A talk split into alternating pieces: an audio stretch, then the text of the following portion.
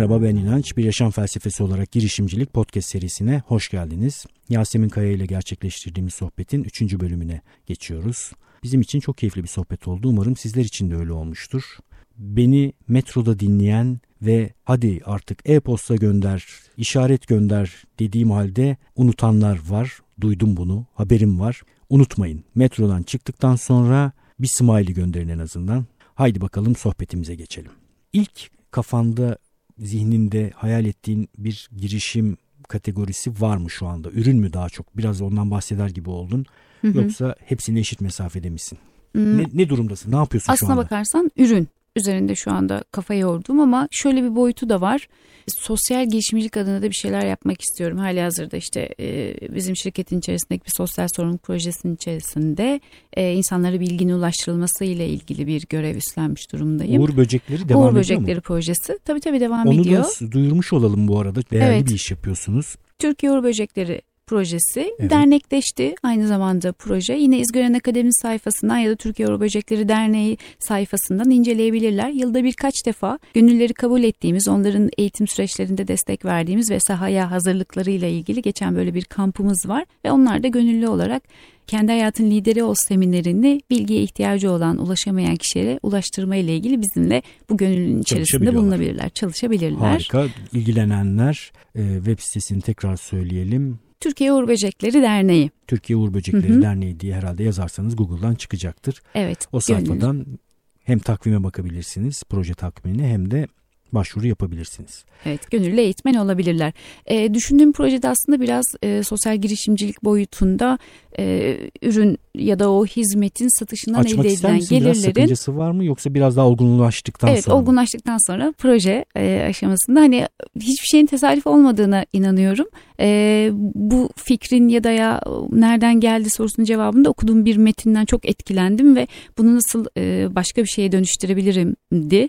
Umarım yakın zamanda hayata geçtiğinde paylaşırız. Belki onun üzerine de konuşuruz tekrar. Olur. Söz konusu ürünün satışından elde edilecek gelirlerin bir kısmının dezavantajlı gruplarla paylaşılması, bunlara mikro kredi şeklinde ya da onların eğitimleriyle ilgili hangi konuda eğitim girişimcilik konusu yani yine kendi işimle bağlantılı hani bu kısmı önemli. Hani hangi çerçeveden bakıyorsun? Elbette önce mevcut bilgilerim çerçevesinden bakıyorum yeni bir girişimciliğe de. Yanı sıra öğreneceğim farklı alanlarda ya da yapabileceğimi düşündüğüm farklı alanlarla birleştirmek benim için önemli.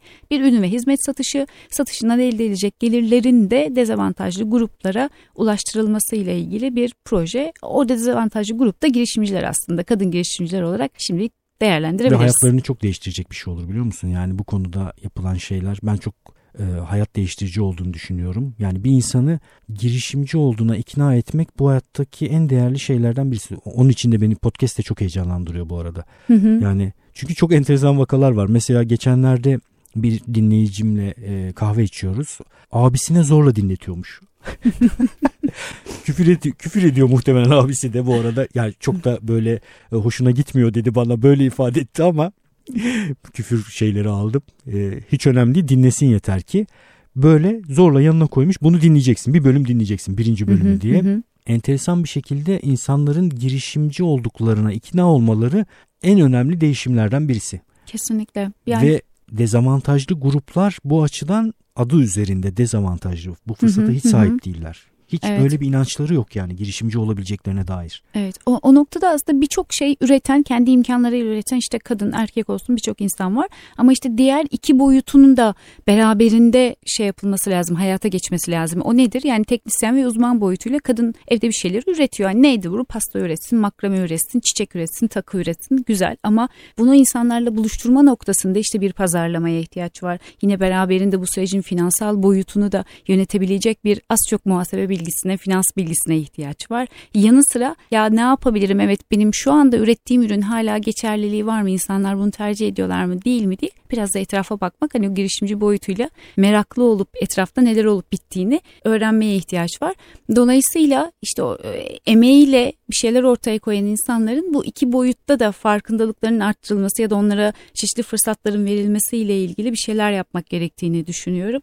Çünkü tek başına yetmiyor ama girişimci miyiz? Bence öyle bu bir bakış açısı. E, tanımına baktığım zaman işte çeşitli kaynakları değer üretmek için bir araya toplayan ve burada risk alan, sorumluluk alan kişi dersek eğer böylesi bir değer ölçeğimiz olduğunu varsayarsak e, bunu yapmak için illa bir e, vergi levhasına sahip olmak, illa çok inovatif bir fikri hayata geçirme derdinde olmamak gerektiğini düşünüyorum. Ya o fikir gelmezse sana ne olacak? Hayatın boyunca hiçbir şey yapmayacak mısın? Tabii. Asıl önemli ve kıymetli olan şey kurumsal hayatın içinde ya da dışında ya da bir öğrenci olarak her kimsen bir birey olarak bir şeylere değer katma derdi. Ne olduğu sürece bence girişimcisin. Hani günümüz koşullarında baktığında özellikle dijital girişimcilikle ilgili çok fazla proje görüyoruz etrafta.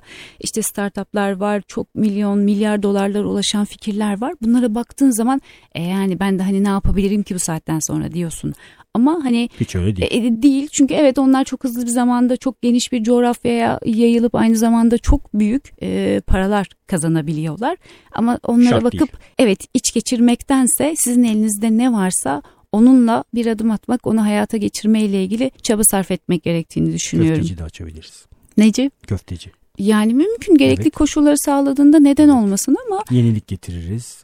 Gerçekten hiç öyle bir şart yok. Ne kadar öyle? Sıfır öyle. Hiç öyle değil yani. ne kadar ne kadar ihtiyaç- yani en az %25 oranında bir yeniliğe ihtiyacı var hani girişimde yani inovasyonla da doğru orantılı olarak söylüyorum. Hani bugün gidip işte köfteci ismi vereyim börekçi ismi olsun. Ee, açmak çok girişimcilik midir? Evet o da hani tartışılır bir konu ne kadar sıfırdan olacak ne kadar ama en az %25'lik bir %20'lik bir içerisine farklılık katıyorsanız da diyebiliriz. Şöyle tabii bakabi- bakabiliriz. Kişi açısından risk barındırıyorsa girişim zaten. Yani Evet.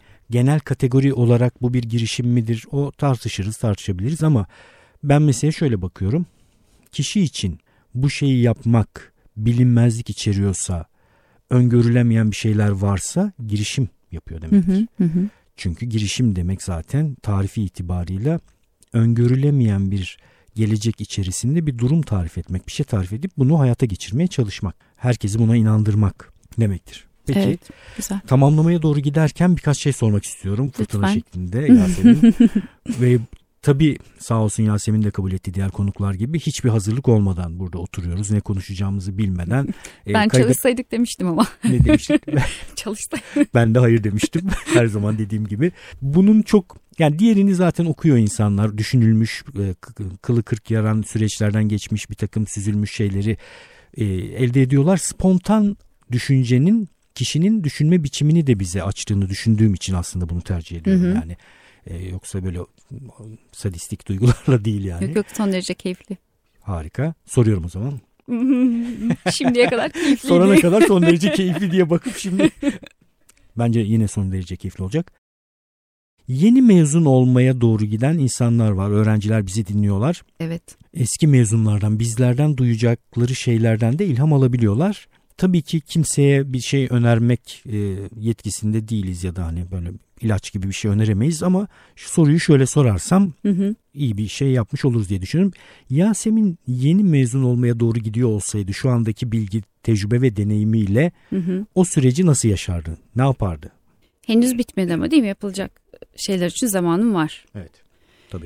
Yani hani klasik olacak tabii ki klişe olacak ama çok farklı disiplinlerden de kendimi geliştirmeye çalışırdım. Hani bunu daha öncesinde de başlatırdım aslında. Hani böyle bir, hayatta bir numaranız olsun asıl yaptığınız iş dışında ve o yaptığınız işe çok fazla değer katıyor. Şunu kastediyorum işte mühendislik okuduğunuzu varsayıyorum. Yani lütfen sanatla da ilgilenin, müzikle Harika. de ilgilenin. Bence. E, doğa yürüyüşlerine çıkın, çevreyle ilgilenin, etrafı gözlemleyin. Çünkü hani senin de bildiğin gibi e, birçok buluşun ya da inovatif ürünün arka planında e, buluş sahibi kişinin aslında o disiplin dışında farklı disiplinlerle de ilgilenmesi yatıyor. Adam doğada bir şeyi örnek alıyor, ondan feyz alıyor ve kendisine hani farklı bir boyut katıyor yaptığı işe. Bunu insanın zenginleştirmesi açısından çok önemli olduğunu düşünüyorum. Bir diğer boyut da hepimiz farklı işte sosyal stillere sahip bireyleriz. Dolayısıyla iş hayatının içerisinde de işte farklı durumlarla karşılaşacağız ve bunlara anlayış geliştirebilmek adına da hani her şeye açık olmak lazım. Her modele, her insan tipine bu anlamda da biraz e, öncesinde anlayış geliştirmek gerektiğini düşünüyorum. yani, Yani, kavga etmeden bir arada değer üretebilir olmak. Evet, evet. Bunun zenginlik olduğunu farkında olmak lazım. Hani e, ister yönetici olun, ister farklı bir boyutta e, çalışıyor olun. insanlarla birlikte çok daha zengin, çok daha keyifli işler çıkartabiliyorsunuz. Tabii bunları anlayabilmek için de az çok bu insanlara açık olmak lazım. Yani çok her insana şey açık olmak Yasemin. lazım. Yani sezgi karşıtı bir şey söylediğin için acayip kulaklarımı dikmiş durumdayım şu anda. Yani o yaşlarda kendi halimi düşünüyorum. Genelde insan gıcık falan oluyor. Bu gıcık olduğu insanları da hayatından ayıklıyor. Hı hı. Temizlik yapıyorsun. Sen diyorsun ki yapmamaya çalış. Bir tür zenginlik olarak gör onları ve bir arada durmaya, onlarla birlikte vakit geçirebilmeye çalış diyorsun. Hı hı, kesinlikle. Kesinlikle öyle. Hani kendimizi de bu esnekliğe ya da hani insan yedisinde neyse yetmişinde odur değil. İnsan dönüşen bir şey ve beni en çok dönüştüren şeyin de beni kötü hissettiren şeyler olduğuna inanıyorum. Başaramadıklarım, beceremediklerim ya da bunlarla Tahmin yüzleştiğim durumda evet bunlar çok kışkırtıcı oluyor. Doğru. Bununla yüzleştiğimde ama şunu yapmıyorum. Hayatta küsmüyorum, dünyaya küsmüyorum. Bu beni dönüştürmeli bu beni daha iyiye götürmeli diye bakıyorum. Dolayısıyla çuvallayışında da insanın bunu yapması gerektiğini ve hani e, konumuz evet benim iş konum kişisel gelişim olduğu için insanların e, iki türde olduğunu hiç bu alana temas Yasemin, etmeyeyim. kişisel gelişim tabirinden ha, tüylerimin tamam, diken diken olduğunu bilerek kullanıyorsun değil mi? Ama Hayır, yok. varsa bir argümanı söyle. Ya ben şunu düşünüyorum aslında iki tane temel e, nokta. Birileri hiç buna temas etmiyor zaten. Hayatı boyunca öyle mücadelelerin içerisinden geçiyor ki zaten buna dönüp bakacak, bununla ilgili bir şey yapacak tarafı yok. Ama şu anda bunu dinleyen, bu işlerle ilgilenen birilerinin buna şansı olduğunu düşünüyorum. Hani senin o iyi insan olmak ve girişimci olmakla ilgili benzettiğin şey var ya. Hani biraz bu konuda sağduyulu olmak gerektiğine hmm. inanıyorum. Bu, bu ne işte insanlara anlayış geliştirmek olabilir. E, çatışmadan ziyade biraz daha çözüm odaklı bir yaklaşım olabilir. Söylenmek yerine çözüm üretmek olabilir. O işte bahsettiğin iç denetim mi, dış denetim, iç referanslı mısın, dış referanslı evet, mısın? Doğru. İç beklentim mi, dış beklentim mi? Çünkü bu tür e, kitaplarda yazan şeyler bunlar ama hani çok kitaplara da ihtiyacımız olmadan aslında hani günümüzde artık erdem kabul edilen aslında insanın doğasında olması gereken bir takım özellikler var ya bunlara odaklanıyor olmak lazım. E, genel olarak işte hani o, o güveni sağlayabilmek için doğru insanlarla bağ kurabilmek adına ne gerekiyorsa onları yapma ile ilgili biraz daha hani sağduyulu ve kendimi bu anlamda nasıl geliştirebilirim, nasıl dönüştürebilirim diye bakıyor olmak lazım. Aksi takdirde bunu yapmayan kişilerle işte e, aradan 10 yıl, 12 yıl geçtiğinde biz eğitim ve danışmanlık sektörü içerisinde şirketli olarak bir araya gelip e, hani 40 yaşında 50 yaşında ya da neyse profesyonel hayatın 15. yılında hala insanlara ya bakın insanlarla böyle bağ kurmak lazım. Şöyle iletişime geçmek lazım. Satışta şunu yapmamız gerekiyor gibi. Yaşam becerileri bir şeyleri, ama çok geç buluşuyor insanlar Evet hani anlatmaya çalışıyoruz. Tabii ki öyle birileri olsun ki hani biz de e, para kazanalım. Kendi işini iptal ed- etmek üzereydi Yasemin. Kapatıyoruz. Yarından itibaren Yok, koca evet, kapanmıştır. Yok geliştirmeye ileride nasıl bir araya geliriz bir yerlerde. Biz sonuçta ben şöyle bakıyorum kapatmayız. Neden? Çünkü e, hep bir boşluk, hep bir açık olacak insan gelişiminde, insanı daha iyiye götürmek üzere. Onu düşünürdük. Bunları düşünmeyelim artık ama haklısın. Yani insanların zengin niye haklı olasın ki? Ben de düşünmüştüm. Ya herkes ne yapıyorsa yapsın Yasemin. Yani ben de zamanında çünkü gıcık olmuştum o tiplere. Ben de onları hayatımdan elemiştim. E, ve üniversite döneminde şu an bizi dinliyor olsaydım kulak arkası edip hayatımı sürdürürdüm büyük ihtimalle. Belki kulak arkası yapmayacak ve bunu dinleyip ilham alacak birileri olur diye biz de zaten söylüyoruz. Herkese değil mi böyle ısrarla bunu yap bunu ya, yap demiyoruz. Biz dinleyenlerin eminim bu konuda sağduyulu olduklarını ama kendileri artık bu aşamalardan geçtilerse de birilerine tavsiye edebileceğine inanıyoruz ee, diye düşünüyorum. Yapabileceğimiz zaten en fazla bu. Peki son bir sorum daha var. Kurumsalda çalışan hı hı. ama mutsuz olan, kendini de mutsuz eden, başkalarını da mutsuz eden acaba girişimci olsam mı diye de böyle bir zihninden hı hı. geçiren hı hı. 120 küsür bölümü geçtikten sonra burayı dinleye dinleye servisteki yolculuklarına devam edip hayata küsen ama bir yandan da bizi dinlemeye de devam eden birileri var. Bunları biliyorum. Onlara ne önerirsin? Bu girişimci dünyasına nasıl adım atsınlar ya da ileride adım atacaklarsa şu anda kurumsaldaki bulunmaları, bulunma hallerini kendilerine yarayacak hale nasıl dönüştürsünler? Birkaç şey söyleyebilir misin bu konuda? Hı hı. Sonuçta ben de benzer bir yolculuktan geçtim ve ilk atışımda da isabetli bir atışta bulunamadım aslında. Evet. Dolayısıyla hani Bakınız ilk tomruk atış e... Tomruk ikinci işti değil mi? İkinciydi ve üçüncüsü. Yasemin'in şu anda yalnız e, görseniz ben şimdi stüdyoda görüyorum. Tomrukla tomruk işiyle böyle zarif e, konuşmalarından da anlıyorsunuz inceleyip sık dokuyan. Gerçi böyle biri niye tomruk işi yapmasın ki benim benim de birden stereotipe gittim yani. Yani işte şu hani iş kadın işi erkek işi evet, değil. değil. İş yapabileceğine Doğru. inanan işidir aslında. Doğru. Ee, ben de tomruk işine başlayacağım. Seni tipi müsait. şaka ya. yapıyorum tabii. Bayıldım. Yok, yok. Niye şaka yapıyorsun? Benim tipim müsait dedi bana Yasemin. Tomruk işine müsait bir şey. Aldığım en iyi övgülerden birisiydi. Şeref duydum. Neden olmasın? Ya dediğim gibi yani ilk e, atışta 12'den vuracak mıyız ve bu tamam mıdır bilmiyorum ama öncesindeki işte araştırma tarama çok önemli. E, çünkü Neyi araştırıyoruz öncesinde? Hani, e, bu işten sonra kurumsal hayattan sonra yapacağınız işle ilgili sizin işte hayat amacınıza, gerçek niyetinize, olmak istediğinize giderken o sizin için hani bir araç olabilecek mi ya da hani amacınıza uygun bir iş mi? Dolayısıyla amacıma uygun bir iş bulursam çok daha hızlı ilerliyorum. Doğru. Hani bu bir kere bunu ıı, bilmek gerekir Araştırarak öğrenebileceğin bir şey. Araştırarak öğrenebilirsin. Kendini değerlendirerek öğrenebilirsin. Bir ikincisi o dediğin işte yani mutsuz evet zorunluluklarımız var ve çalışmak zorundayız. Ya bırakacağım ne olacak? O zaman kademeli bir geçiş olması gerektiğini düşünüyorum bu işte. Yani hala da işinize devam ederken yapabileceğiniz işinizle ilgili bir işte yetkinliğin neticesi olan bir meslek ya da bir hizmeti ortaya koyuyor olmak ya da e, bir zamanda eğitimini alabileceğiniz işten fırsat buldukça hani eğitim nasıl alacağız? Değil. Milyon tane yöntem var işte eğitim alabiliyor olmanın. Hali hazırda bir işte çalışırken de bir alanda kendimizi geliştirebiliriz ve onunla kademeli geçiş yani daha az riskli bir geçiş. Çünkü hani en iyi risk alanlar riski de minimize edenler diye bir kavram var ya. Dolayısıyla hani orada risk için... Kim diyor bunu? Adını unuttum ama seninle paylaşırım sonra sen de paylaşırsın bir kaynaktan geçiyor. Çevirisini söylemiş gibi olmuş ama. Hmm, belki. E, dolayısıyla orada biraz hani risk durumunuza göre, risk alabilme kabiliyetinize göre bu işi kademeli bir şekilde yapabilirsiniz. Ama lütfen hani bir işte çalışıyorsanız ve mutsuzsanız o mutsuzluğu etrafınıza yayıyorsanız yapılacak iki seçenek var aslında. Ya işine değer katıp o işe sahip çıkmak ya da o işi bırakmak kendinize de etrafınızda da zulm etmemek diye düşünüyorum. Evet. Ya üçüncü seçenek tomruk işine girebilirsiniz. Tipiniz müsaitse.